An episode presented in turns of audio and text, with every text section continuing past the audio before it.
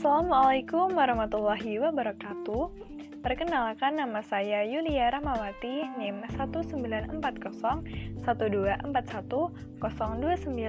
dari Pendidikan Kewarganegaraan dan Hukum kelas A, Fakultas Ilmu Sosial Universitas Negeri Yogyakarta.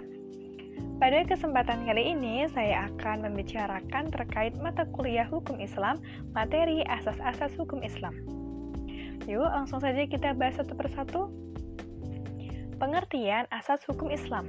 Secara etimologis, kata asas berasal dari bahasa Arab yang artinya fundamen, yaitu alas atau dasar.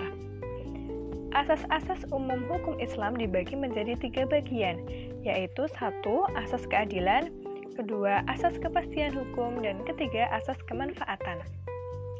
Ada beberapa asas hukum Islam. Yang pertama, saya akan membicarakan mengenai asas hukum perkawinan atau keluarga.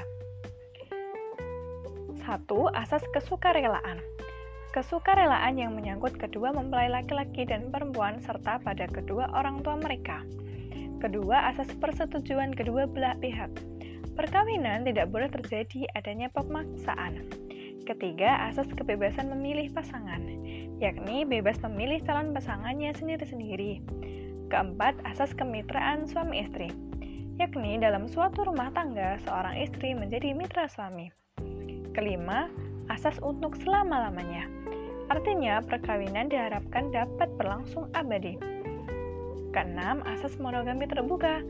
Seorang laki-laki boleh beristri lebih dari satu orang, tetapi dengan syarat mampu berlaku adil terhadap semua istrinya. Selanjutnya, saya akan membicarakan mengenai asas hukum kewarisan. Satu, asas ijbari bahwa peralihan harta dari seseorang yang meninggal dunia kepada ahli warisnya berlaku dengan sendirinya menurut ketentuan Allah. Kedua, asas bilateral menjelaskan bahwa seorang berhak mendapat warisan dari ayahnya dan juga dari ibunya. Ketiga, asas individual. Warisan yang diterima ahli waris bersifat perorangan dan dapat dimiliki secara pribadi. Dan ke yang keempat yakni asas keadilan berimbang. Keadilan ini terlihat dari perbedaan bagian. Perbedaan bagian masing-masing ahli waris ini seimbang dengan tanggung jawab yang diembannya, seperti laki-laki mendapat bagian lebih banyak dari wanita karena sebagai kepala keluarga. Selanjutnya, saya akan membicarakan mengenai asas hukum muamalah. Satu, asas ilahiyah atau asas tauhid. Kegiatan muamalah termasuk ke dalam perjanjian, sehingga berhubungan dengan Allah dan tidak pernah akan lepas dari nilai-nilai ketauhidan.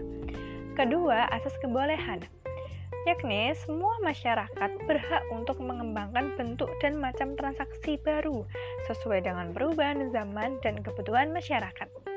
Ketiga, asas keadilan, yakni suatu kontrak dituntut untuk berlaku benar dalam menjalankan kehendak dan keadaan harus memenuhi perjanjian yang telah dibuat dan memenuhi semua kewajiban tanpa terkecuali. Keempat, asas kejujuran dan kebenaran. Dalam hal ini, suatu perjanjian dikatakan benar jika mendatangkan keuntungan bagi masyarakat dan sekitar lingkungan. Kelima, asas tertulis. Suatu perjanjian lebih baik dilakukan secara tertulis agar tidak terjadi persengketaan. Dan yang terakhir, asas kerelaan. Dalam asas ini, segala transaksi yang dilakukan harus atas dasar kerelaan antara masing-masing pihak. Yang terakhir, saya akan membacakan mengenai asas hukum pidana. Asas hukum pidana itu dibagi menjadi tiga hal. Langsung saja, yang pertama yaitu asas legalitas. Asas legalitas merupakan asas yang menyatakan bahwa tidak ada pelanggaran dan tidak ada hukuman sebelum ada undang-undang yang mengaturnya. Kedua, asas larangan memindahkan kesalahan kepada orang lain. Asas ini berarti bahwa seseorang tidak bisa memindahkan kesalahan yang diperbuatnya kepada orang lain yang tidak melakukan kesalahan. Ketiga, asas praduga tidak bersalah. Asas ini menjelaskan bahwa seseorang yang terdakwa melakukan suatu tindak pidana harus dianggap tidak bersalah sebelum hakim menyatakan bersalah berdasarkan bukti-bukti yang ada atau orang tersebut mengaku telah melakukannya tanpa ada tekanan dari orang lain.